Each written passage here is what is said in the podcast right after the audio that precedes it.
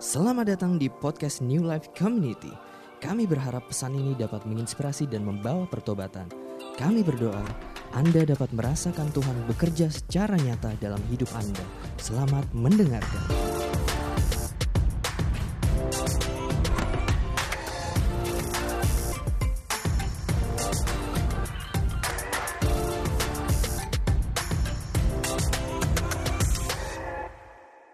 Shalom, selamat pagi NLC. Uh, kita ada di bulan yang baru, di bulan Agustus.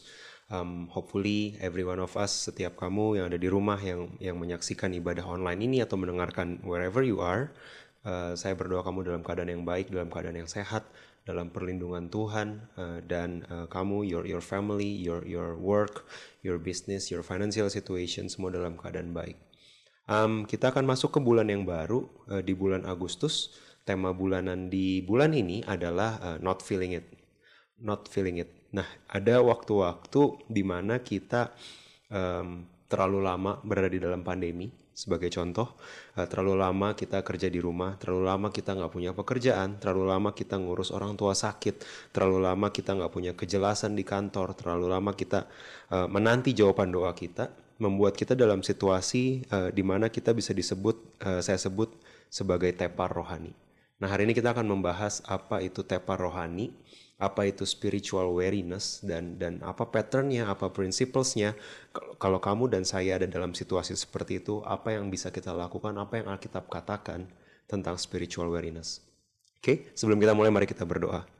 Bapak kami mengucap syukur untuk hari ini, di mana pun kami berada, apa pun situasi kami, kami tahu Engkau mau berbicara pada setiap kami, eh, Roh Kudus yang ambil alih, supaya semua firman yang disampaikan menjadi yang menjadi kebenaran yang bertumbuh dalam pikiran kami, mengubah cara hidup kami, mengubah cara pandang kami, membuat kami lebih bersyukur meskipun situasi kami uh, tidak baik, membuat kami uh, konsisten dan resisten mencari Engkau meskipun uh, kami tidak merasakan Engkau. Kami mengucap syukur Bapa di dalam nama Yesus, kami berdoa. Amin. Oke. Okay.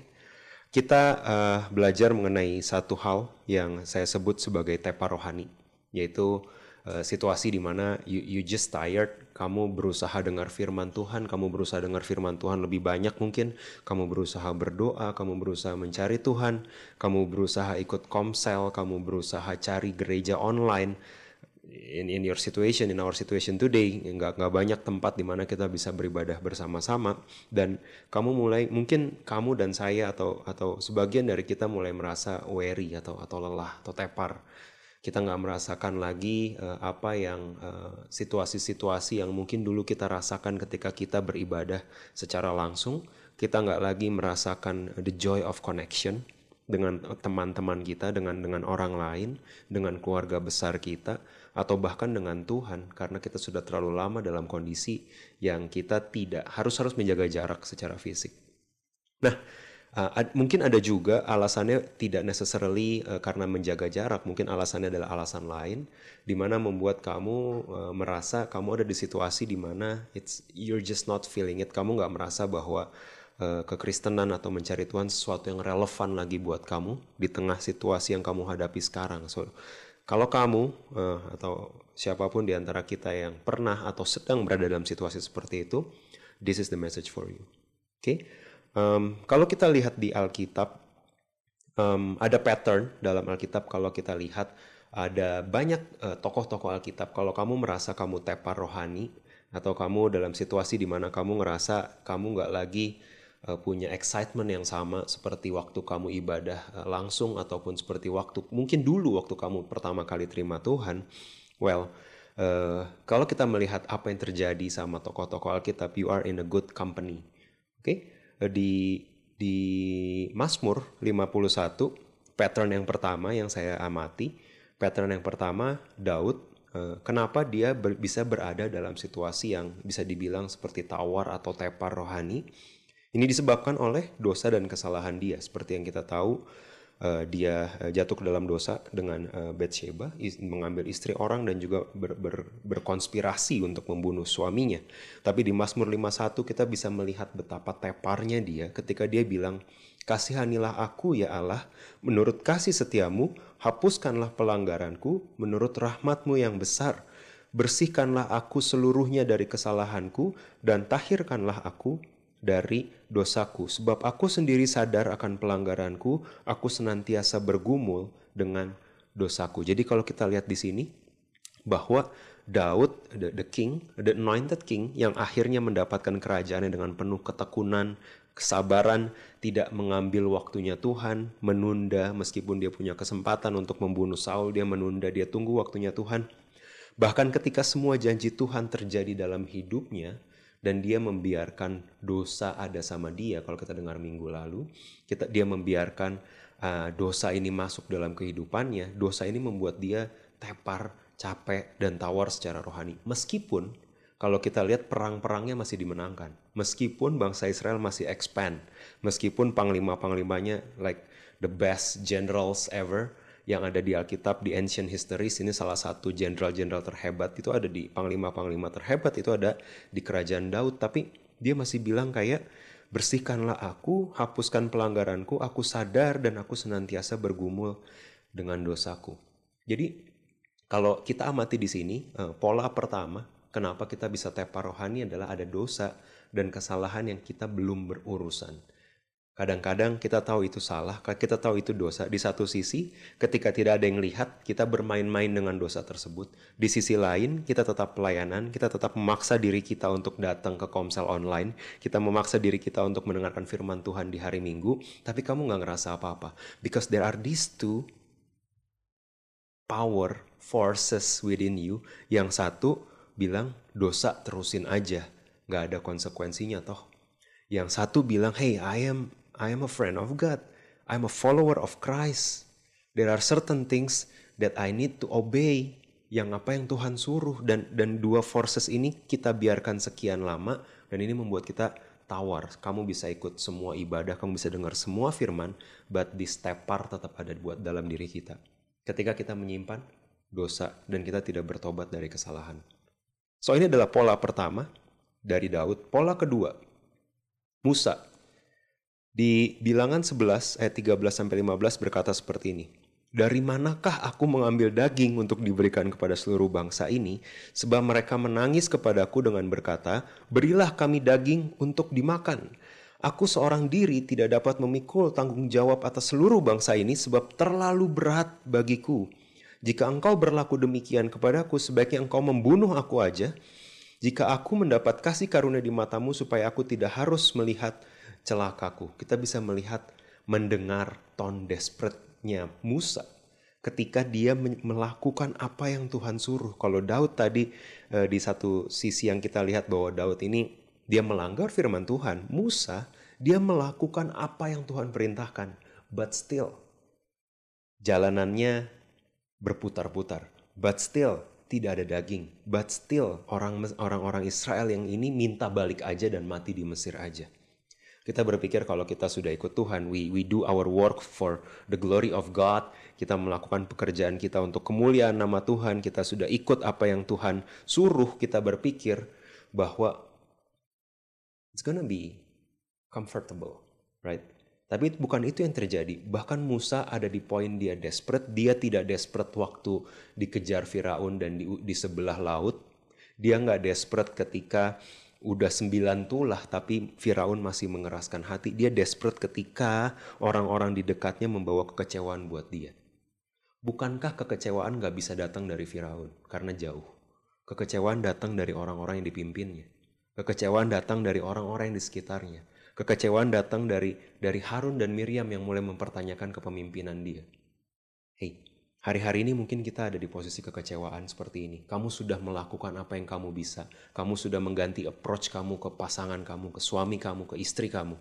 Kamu mengganti approach kamu ke, ke orang tua kamu. Kamu ganti approach kamu ke keluarga kamu, but still disappointment follows. Kalau kamu ada di posisi seperti itu, this is the good news. You are in a good company. Bahkan Musa pernah berada di posisi seperti kamu ketika melakukan apa yang Tuhan suruh, ketika bersabar, ketika bertahan melalui ujian, ketika nggak membalas kejahatan dengan kejahatan, but still kamu nggak ngeliat jalan keluar. Itu membuat kita dalam kondisi tepa rohani. But this is the good news. Musa pun pernah berada dalam situasi seperti itu. Right? Ini pola kedua. Pola ketiga, kesusahan. Ayub. Ayub 7 ayat 1 sampai 3. Bukankah manusia harus bergumul di bumi dan hari-harinya seperti hari-hari orang upahan? Seperti kepada seorang budak yang merindukan naungan, seperti kepada orang upahan yang menanti-nantikan upahnya. Demikianlah dibagikan kepadaku bulan-bulan yang sia-sia dan ditentukan kepadaku malam-malam penuh kesusahan. Kalau kita bilang trials and tribulation atau kesusahan, I think uh, tidak ada uh, contoh yang lebih menarik atau lebih tepat dibanding apa yang dialami Ayub. Ketika semua yang sudah dia bangun dan dia menjalankan dengan begitu saleh, godly, dia bahkan berdoa untuk dosa anak-anaknya, tapi apa yang terjadi dalam hitungan waktu yang cukup cepat dan cukup singkat dia kehilangan semuanya. Are you in that position today? Apa yang kamu bangun selama tahunan, apa yang kamu mungkin hidupi, apa yang kamu bangun, apa yang kamu cita-citakan, apa yang kamu mimpi-mimpikan, semua doa dan kerja keras kamu hampir habis dalam setahun terakhir. If you are in that position dan kamu merasa tepa rohani, this is the good news. You are in a good company.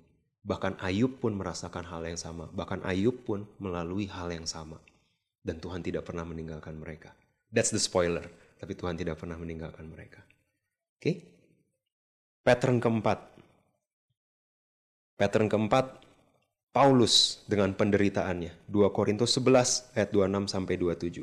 Dalam perjalananku aku sering diancam bahaya banjir dan bahaya penyamun bahaya pihak orang Yahudi dan dari pihak orang-orang bukan Yahudi itu kayak udah you know mece mutual, mutually exclusive and completely exhaustive baik yang Yahudi ataupun bukan Yahudi itu membahayakan Paulus bahaya di kota bahaya di padang gurun bahaya di tengah laut dan bahaya dari pihak saudara-saudara palsu Aku banyak berjerih lelah dan bekerja berat. Kerap kali aku tidak tidur, aku lapar dan dahaga. Kerap kali aku berpuasa, kedinginan dan tanpa pakaian. Jadi Paulus sama dipanggil Tuhan, eh, di ketemu sama Tuhan, punya panggilan besar dan kita berpikir, oh God, our God is God of provider. Di tengah badai Tuhan pasti akan me me memberikan dan mencukupi. That's true, that's true. But the reality is ada waktu-waktunya kadang kamu tetap merasa menderita meskipun kamu menghidupi panggilan Tuhan. Ini apa yang Paulus rasakan. Tuhan suruh ke sini, di jalanan ada penyamun. Tuhan suruh ke sana, sampai sana dirajam. Tuhan suruh ke situ, sampai situ kapalnya karam. Tuhan Tuhan selamatkan sampai pulau digigit ular. Come on, are you kidding me God? Penderitaan yang Paulus alami bahkan ini bisa dibilang relentless. Kalau Ayub dalam tiga hari atau dalam beberapa waktu dia kehilangan semuanya, kemudian dia berkontemplasi, dia bertemu dengan teman-temannya, dia berpikir, dia berargumen, dia mengeluh, dia meratap. Setelahnya, Paulus dia bahkan gak punya waktu untuk meratap, I think. He's still on a mission, but every day ada threat, every day ada ada ada setback, every day ada upset, every day ada disappointment. Bahkan ada ada duri dalam daging dia bilang yang cukup kasih karuniaku kata Tuhan dan itu tidak lepas dari dia. So ini prolong penderitaan yang berkepanjangan. Bahkan ada yang seperti ini di Paulus. Mungkin ada di antara kita yang setahun terakhir kalau kamu sebut penderitaan, kalau kamu mendengar penderitaan, you think atau kamu merasa ya kamu orangnya. And dan dan mungkin kamu merasa I'm I'm very I'm really exhausted God. Benar-benar nggak tahu mesti ngapain. I I I keep your words, I keep your promises. Tapi hal-hal ini terus bertubi-tubi datang di setahun terakhir, enam bulan terakhir, I don't know. Di keluarga kamu, papa sembuh, mama yang kena, mama sembuh, om, tante, kakak, adik semua kena kena masalah, kena covid. Dan di saat-saat seperti itu, ketika kamu merasa, kapan ini berakhir? Udah selesai, baru sembuh, potong gaji. Selesai potong gaji, difitnah selesai difitnah, again this that this that nggak berhenti berhenti dan itu membuat kamu tepar secara rohani. Kamu mendengar firman Tuhan tapi kamu merasa, hey, is this is this really relevant anymore? Apakah masih relevan apa yang saya dengar dengan apa yang saya hidupi? Jika Tuhan ada, kenapa nggak beres-beres? If that is your question, you are in a good company. Kalau kita melihat pola di Alkitab, Paulus pun merasakan atau melalui hal yang sama. Oke? Jadi tepa rohani, belajar mengenai pola yang membuat kita tepa rohani, dari kesalahan, kekecewaan, kesusahan, dan penderitaan. Kalau saya melihat dari empat hal ini, kesalahan, kekecewaan, kesusahan, dan penderitaan, ini ada spektrumnya. Right? Kita selalu berpikir, oh saya lagi di musim yang buruk. Oh saya lagi, ya ini saya mau gimana lagi karena ini memang Tuhan izinkan musim ini terjadi atas hidup saya. I think we need wisdom untuk membedakan ada kesalahan, ada kekecewaan, ada kesusahan, ada penderitaan. Semakin uh, awal, semakin besar kendali kamu, semakin akhir, semakin kecil kendali kamu. Kalau saya bisa bilang uh, di di ujung spektrum satu kita bisa sebut kendali kamu besar. Itu ada di kesalahan. Kendali kamu besar. You did it. You have Holy Spirit but you still did it, right? Kamu masih me, me, menerabas semua rambu-rambu yang Roh Kudus sudah ingatkan, kamu terabas semua alarmnya Roh Kudus and you still did it, kendali kamu lebih besar. Di masa-masa ini saya bisa bilang bahwa respon kita, pertobatan kita yang cepat dan tepat itu membawa kita keluar dari siklus tersebut. Yes, hey, you will make mistake, I will make mistake. News flash, kamu dan saya akan berbuat dosa dan berbuat kesalahan. But sehari demi sehari kita disempurnakan menjadi serupa Kristus. Sampai either kita ketemu dia atau kita mati. Whichever comes first, right? Ini adalah perjalanan, kamu semakin serupa Kristus. Jadi dalam perjalanan you will get down. You will make some mistakes. Kamu akan jatuh dalam trap-trap bodoh kamu sendiri. But still, kalau kamu dalam siklus dan kamu lagi jatuh, the first thing that you can do is get up and repent kamu nggak bisa bilang, oh saya ada di musim yang Tuhan izinkan. Guess what? If kamu nggak pernah ganti cara kamu spend uang, kalau kamu nggak pernah ganti cara kamu komunikasi sama pasangan kamu, kalau kamu nggak pernah ganti cara kamu uh, mengikat diri kamu pada pornografi, kalau kamu nggak pernah ganti cara kamu bicara ke orang tua kamu, you will be in this season forever. Because in in this situation ini bukan season, ini siklus. Yang kamu perlu lakukan adalah yang kamu dan saya perlu lakukan adalah bertobat. Change your approach. Allah Roh Kudus yang akan mengingatkan dan menolong kamu keluar dari kesalahan kamu. Right? So don't dwell on it. Dwell on it dan you know break your break yourself di kayak Mazmur 51 bertobat dengan sungguh-sungguh seperti apa yang kita bahas di awal tahun ini but the but the thing is it's within your control most of it within your control. Kalau kamu merasa tepar rohani karena kesalahan yang masih kamu simpan, guess what? Mungkin kamu harus lepas kesalahan kamu. Mungkin kamu harus lepas kebiasaan kamu yang buruk. Mungkin kamu harus harus bertobat dari dosa-dosa kamu. Dan kamu akan bisa mulai merasakan recharge secara spiritually. Right?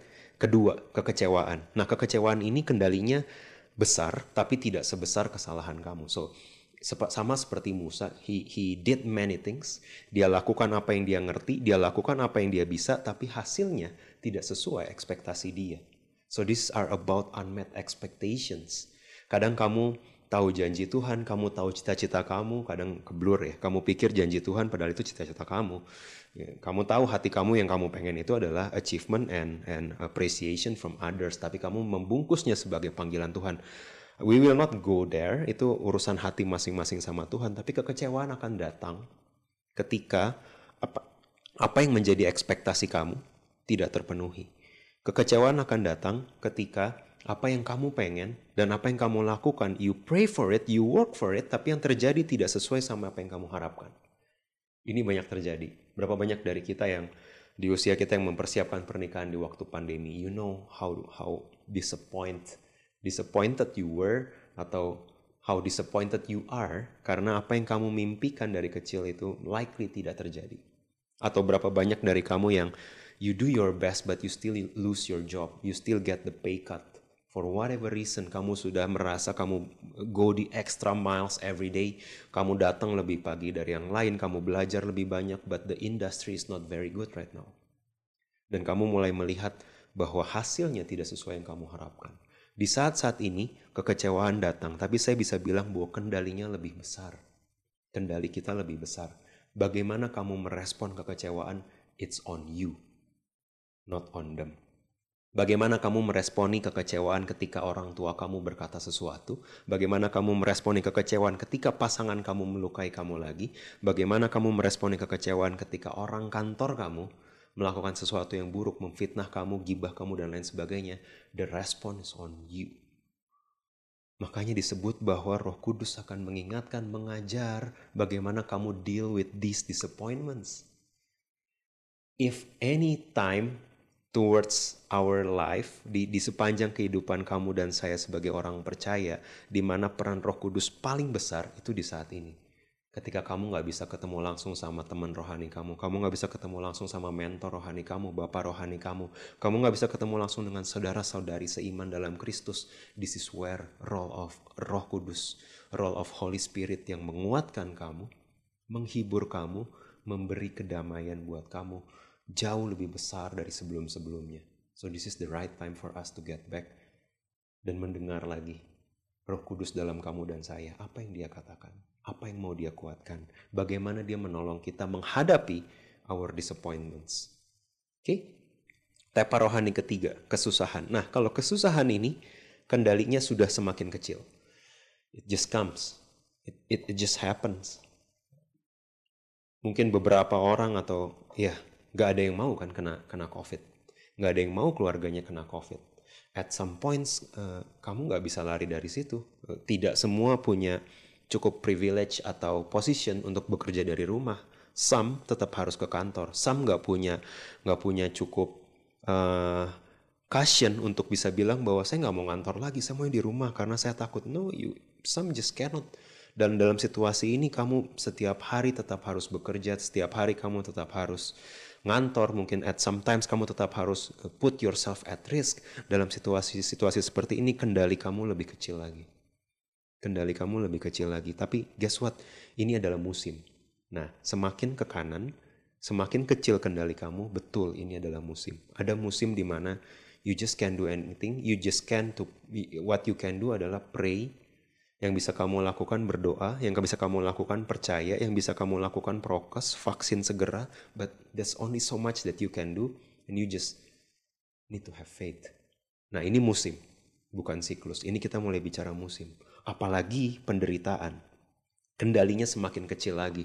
Jatuh tertimpa tangga, bukan cuma kantor yang kena, sampai rumah keluarga lagi berantakan, buka ATM lagi ditipu, kemudian mak pesen makan keracunan. Come on God, seriously gitu kan. In that situation, kendalinya semakin kecil, sadari bahwa ini adalah musim. Dan sama seperti any other musim, it shall pass. Oke? Okay?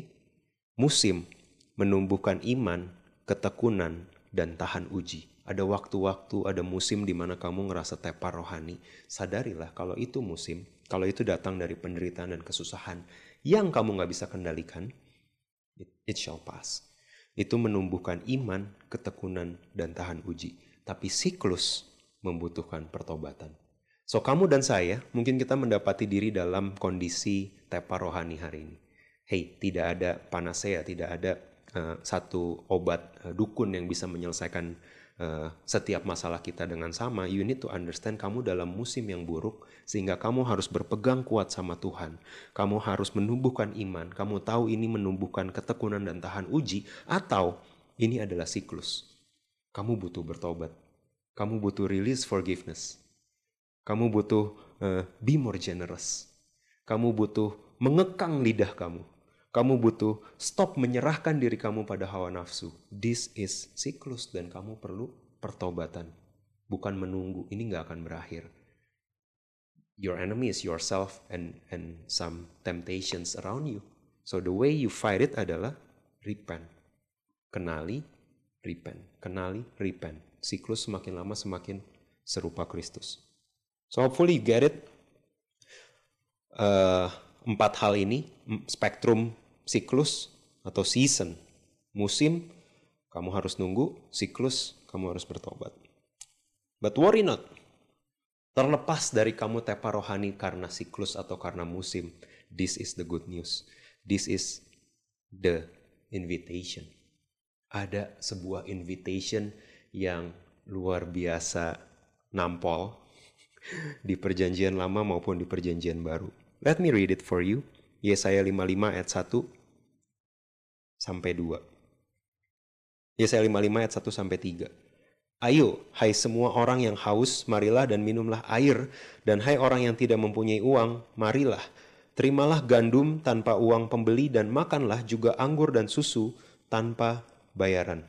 Di Yesaya ditulis bahwa semua orang yang haus mari dan minum air. Air selalu bicara tentang banyak berbicara simbolis tentang Taurat atau atau you know the truth back then. Right?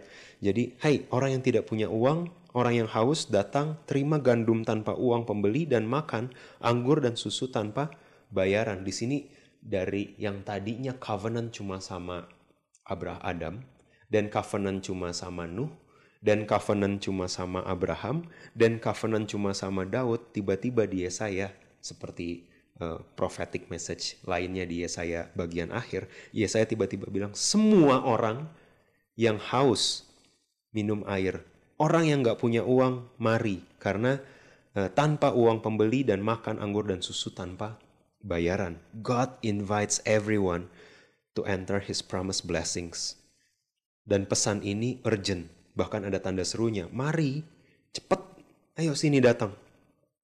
And ini universal, semua orang mari datang. Isn't that crazy? Jadi ya saya lagi bilang semua orang yang lapar, semua orang yang gak punya uang datang. It doesn't matter kamu laparnya karena kamu uh, kesalahan kamu sendiri, kamu hausnya uh, atau kamu nggak punya uang karena kesalahan kamu, kamu nggak punya uang karena kesalahan keluarga kamu, kamu nggak punya uang karena pandemi, whichever semua orang yang haus datang. Semua yang gak punya uang, mari. Wow, it's a universal invitation. Ketika uh, ketika Yesaya uh, secara profetik bilang, hey, God invites everyone untuk masuk ke promise blessingsnya. Terlepas dari keadaan kamu kayak apa, terlepas dari seberapa bobrok, bobroknya kamu menghidupi dosa kamu, terlepas dari seberapa buruknya kamu menghadapi kekecewaan pasangan kamu, kekecewaan teman kantor kamu, kekecewaan kamu terhadap papa kamu, mama kamu, it doesn't matter. Semua orang mari dan minumlah air. Right? It's crazy. Kemudian ayat kedua, bukan mengapa kamu membelanjakan uang untuk sesuatu yang bukan roti dan upah jerih payahmu untuk sesuatu yang tidak mengenyangkan. Saya rasa ya saya lebih dari bicara secara uh, realistis. Uh, kenapa kamu spend money untuk bukan roti karena kamu cuma perlu roti. Tapi lebih dari itu, lebih uh, I think ada simbolisme besar di sini ketika dia bilang kenapa kamu spend something yang costly untuk sesuatu yang tidak mengenyangkan. Saya rephrase, kenapa kamu spend something yang mahal untuk sesuatu yang tidak mengenyangkan?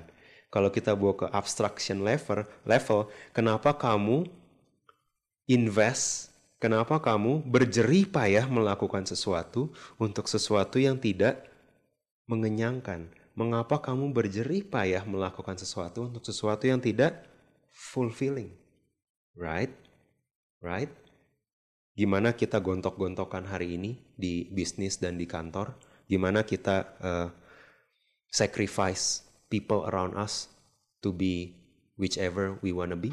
Di mana kita less melayani dan lebih banyak pengen dilayani hari-hari ini di mana kita menjadi sangat garang ketika ini berurusan dengan hak kita dan menjadi sangat forgiving ketika it comes with our kewajiban Di mana hari-hari ini kalau kita dengar bulan lalu, hari-hari ini kita lebih berurusan dan mementingkan diri sendiri.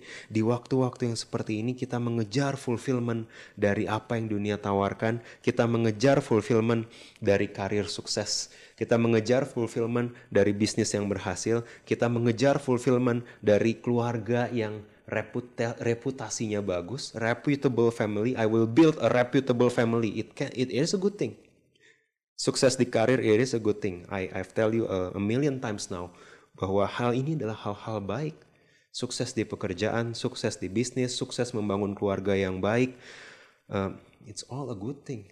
But when the good thing be become the only thing that you seek, kamu mulai membangun lembu emas, right? So kamu mencari kita mencari fulfillment dari more followers, mencari fulfillment dari karir, dari revenue, dari reputable family, dari financial asset yang tambah besar, fulfillment dari lebih parah, fulfillment dari dunia uh, worldly empire and entertainment, membangun kerajaan sendiri di dunia, membangun me, me, menikmati semua entertainment yang dunia berikan dan kamu mulai merasa hah, gak terlalu fulfilling ya? Fulfilling sebentar, tapi kok gak ada yang sustain? Kejar semua drakor yang ada, it gives you some laugh, tapi gak pernah fulfilling. Kejar semua clients yang ada, it gives you some network, some net worth, tapi tip tetap nggak fulfilling. Kejar semua yang kamu bisa untuk membangun keluarga yang baik, but still something still empty inside because jang, mengapa kamu memberi upah jeripayahmu untuk sesuatu yang tidak mengenyangkan? Tahun ini kita belajar fulfillment and the true fulfillment berangkat bukan dari kesuksesan duniawi, berangkat bukan dari aset duniawi, berangkat bukan dari reputasi duniawi.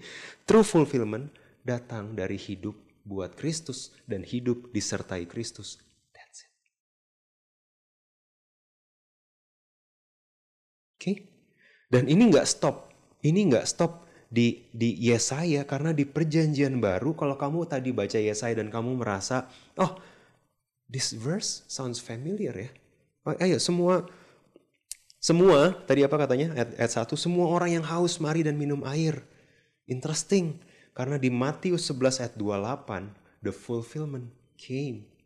Dan bilang, marilah kepadaku semua yang letih, lesu, dan berbeban berat. Semua, doesn't matter itu kesalahan lu, doesn't matter itu kebodohan lu, doesn't matter itu kekerasan hati lu. Semua yang letih, lesu, dan berbeban berat, aku akan memberi kelegaan kepadamu. Isn't this crazy? This is the God that we serve. This is the God that we worship. This is the God that save us.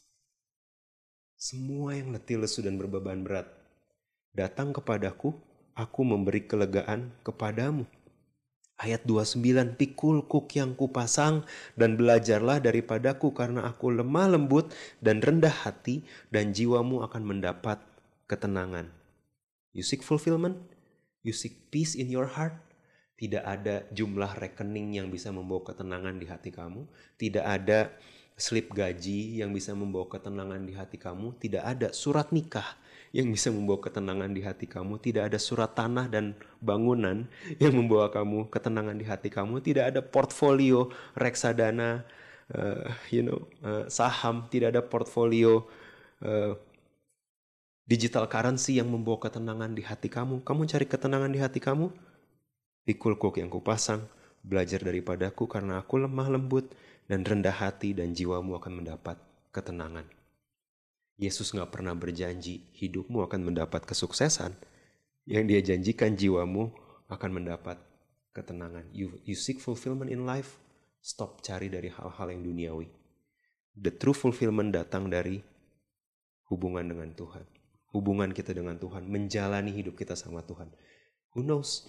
God gives you bonus here and there, God gives you a great relationship here and there. God change your family. Who knows?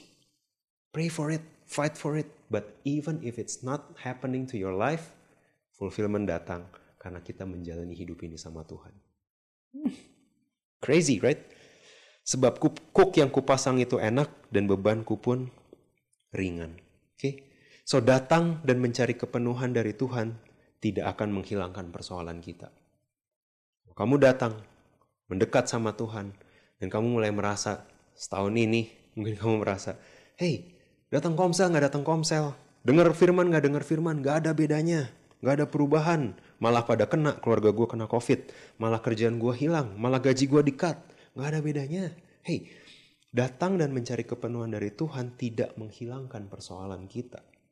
Tapi kepenuhan datang dari penyertaan Tuhan that sustains you, yang membuat kamu bertahan meskipun orang tua kamu nggak berubah. Membuat kamu bertahan meskipun kerjaan kamu nggak ganti-ganti. Membuat kamu bertahan meskipun many disappointments di kehidupan pernikahan kamu. Membuat kamu bertahan meskipun rekening kamu tidak bertahan. Karena yang membuat kita bertahan adalah penyertaan dari Tuhan. Makanya the whole Yohanes 15:16, aku akan pergi tapi tenang, aku akan memberikan padamu seorang penolong yang menyertai kamu. Right? So this is the invitation. Is this isn't this invitation crazy? So secara praktis, secara praktis apa yang bisa kita lakukan? Oke, okay, gimana caranya supaya kita tidak tepar rohani? Three things. Bagaimana kita bisa beristirahat dengan benar, datang dan menyerahkan uh, beban kita dengan benar. Satu, serahkan kekhawatiran dan beban kepada Tuhan. Hey, serahkan. Pernah ada yang ngasih kamu whatever, baju, hmm, celana, lipstick, whichever. Dan kemudian orang itu ketemu kamu minggu depan, minggu depannya lagi dan dia mulai nanya, eh, lu gak suka ya? Kok lu gak pernah pakai ya? Apakah kamu akan merasa tersinggung? Hey, you give it to me, suka-suka gue, mau gue jual lagi, mau gue injek-injek, mau jadiin kain topo. It's up to me, you give it to me. Right? Kan kamu sudah berikan ke saya. Kenapa kamu masih megangin gitu? Right? Interesting karena ketika Tuhan bilang serahkan kekhawatiranmu sama Tuhan, kita iya iya iya iya, kita nyanyiin, kita doain, kuserahkan kekhawatiranku, tapi kita pikirin juga. Tapi kita renungin juga kekhawatiran dan ketakutan, isn't it? Dan kita bingung, serahkan kekhawatiranmu iya, tapi nggak bisa. Gue tuh tetap takut, gue tuh tetap worry. Kapan Tuhan uh, jawabnya? Waktu you say, waktu Tuhan bilang serahkan, it means serahkan. Waktu dia menyerahkan nyawanya, dia nggak pegangin, eh dikit-dikit aja ya, tapi ya gitu ya. Enggak, enggak, enggak, diserahkan semuanya. Waktu dia minta kita serahkan kekhawatiran, is it crazy? Dia dia serahkan nyawanya buat kita. Yang dia minta dari kita apa? Serahkan uangmu. Please yang Tuhan minta serahkan kekhawatiranmu. What? What kind of God does that? Our kind of God. Saya kasih contoh. Serahkan kekhawatiran dan bebanmu sama Tuhan. This we are talking about God. Ini Tuhan yang beri pakaian ke Adam dan Hawa setelah Adam dan Hawa mau jadi serupa dia. This is the God of truth and grace, truth and mercy Sampai ketika dia bilang, hey kamu nggak bisa lagi hidup di taman ini, you need to go. Karena kamu sudah jatuh ke dalam dosa, kamu nggak boleh hidup selamanya karena kamu nggak boleh selamanya dalam dosa. Ketika Tuhan suruh pergi, dia bukan cuma suruh pergi, dia Tuhan yang memberikan kepada mereka pakaian. Gila, gila, gela, gela. That kind of God. Ini ini Tuhan yang bilang Petrus si nelayan, hey Udah semalam-malaman kami e, menebarkan jala tapi kami nggak dapat apa-apa. Tiba-tiba ada seorang tukang kayu ini yang sangat berkuasa dan bilang, tebar jalamu ke situ. I do many things, I do the right things, I do logical things, kata Petrus kan. Tapi karena Tuhan yang suruh, fine I do it. Ketika dia tebar jalannya, dia dia menyadari bahwa expertise dia means nothing planning dia means nothing. Good practice dia means nothing. Ketika Tuhan udah mau berkati dia, Tuhan berkati dia kok. Can we can we give our worry to God?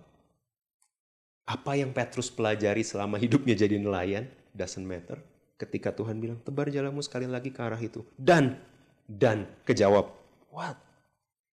Ketiga, contoh lain. Ini kita bicara soal Tuhan yang ketika Yunus dengan marah, kesal karena Tuhan tidak jadi ngancurin bangsa yang bunuh bangsa dia. So I think it's human.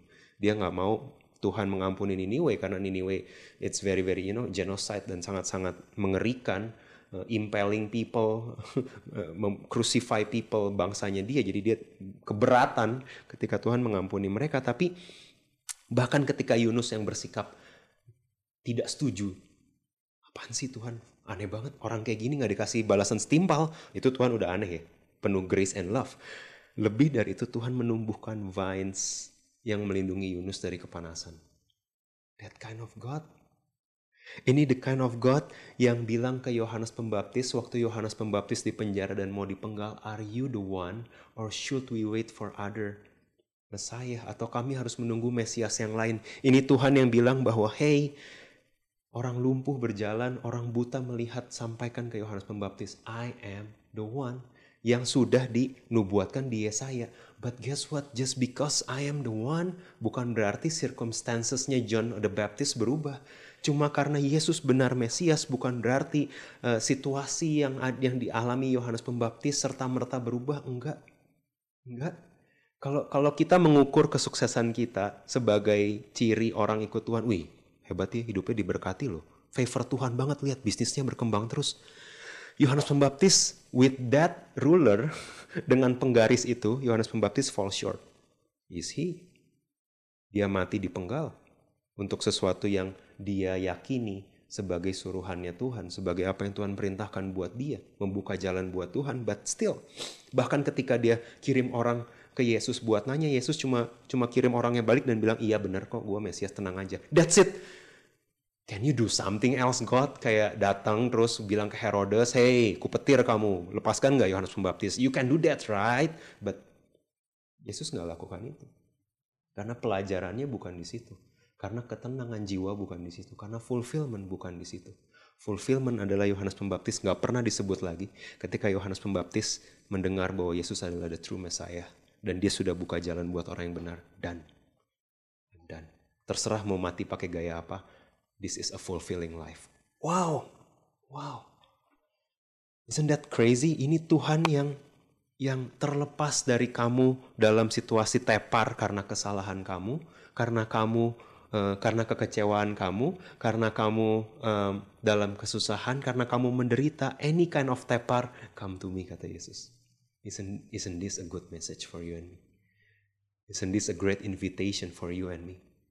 Untuk kita bisa datang ke Tuhan dengan teparnya kita hari ini dan hey I just need you I got fulfillment from you God right hal praktis kedua lepaskan keterikatan dari hasil jadi kita nggak bilang bahwa hey kamu stop berdoa ya udah yang penting apa pun yang terjadi uh, kesera-sera ya Tuhan aja lah yang yang berkehendak no you still fight for it you still pray for it you still improve yourself yourself you still give feedback you still repent tapi apa pun hasilnya kamu tahu Tuhan pegang kendali. Ini levelnya yang lebih tinggi. Ini level iman yang lebih tinggi. Regardless of the result, regardless of the outcomes, I do my best. I involve God in everything I do. Apa pun hasilnya, tidak membuat saya less valuable di mata Tuhan, tidak, membawa, tidak membuat panggilan saya tidak sepenting orang lain karena hidup ini bukan soal comparison tentang jumlah jemaat kamu, tentang jumlah aset kamu, jumlah penghasilan kamu, keluarga kamu mana yang lebih reputasinya lebih baik.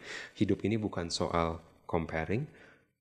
Hidup ini adalah mengikat diri kamu sama melakukannya, menjalaninya sama Tuhan regardless of the outcomes. Do your best.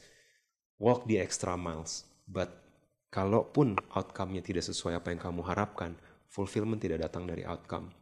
Fulfillment datang dari Tuhan. Oke? Okay? Ketiga, beristirahat dengan benar, renungkan firman Tuhan siang dan malam. Renungkan firman Tuhan siang dan malam. Ini katanya orang-orang yang menghasilkan buahnya pada musimnya dan tidak layu daunnya. Meskipun siklusnya jelek, meskipun musimnya jelek, daunnya tidak layu. Apa saja yang diperbuatnya pasti berhasil. Close with this. Renungkan firman Tuhan lebih banyak daripada renungkan kekhawatiran kamu. 45 menit dengar khotbah ini gak akan membuat kekhawatiran kamu pergi. Isi kekhawatiran kamu, isi diri kamu dengan firman Tuhan. Katakan, serahkan kekhawatiranmu sama Tuhan. Serahkan bebanmu sama Tuhan. Serah, pertobatkan kesalahanmu langsung berurusan sama Tuhan. Then fill yourself with the word of God. Renungkan siang dan malam. This is the way kita lepas dari tepa rohani. Let's pray. Bapak kami mengucap syukur untuk firman yang kami dengar. Hambamu selesai berbicara. Kami berdoa biar kami bisa uh, menghidupi, kami bisa datang kepadamu. A very gracious invitation, a universal, a selfless invitation, invitation that full of love untuk kami datang kepadamu, menyerahkan kekhawatiran kami, menyerahkan beban kami, mengetahui bahwa Tuhan kami menyertai kami, Tuhan kami ada bersama kami meskipun kami tidak bisa rasakan. Tuhan kami menyertai kami meskipun kami tidak serajin dulu pelayanannya. Tuhan kami menyertai kami meskipun kami penuh dengan dosa. Tuhan kami menyertai kami meskipun apa yang kami lakukan seperti tidak ada hasilnya. But this is the fulfillment ketika kami tahu bahwa Tuhan ada bersama kami hari ini. Kami mengucap syukur Tuhan, kami mengucap syukur Allah Roh Kudus. Kau Tuhan yang baik, Kau Tuhan yang mengingatkan kami, ajar kami untuk bisa bertahan menghadapi situasi hari-hari ini, menghadapi pandemi ini, sampai segala sesuatunya Kau pulihkan kami tahu Engkau Tuhan yang memegang kendali. Terima kasih sudah mendengarkan podcast ini. Kami berdoa Anda diberkati melalui pesan yang telah disampaikan. Mari sapa kami melalui Instagram at dan bagikan pesan ini supaya lebih banyak orang yang diberkati.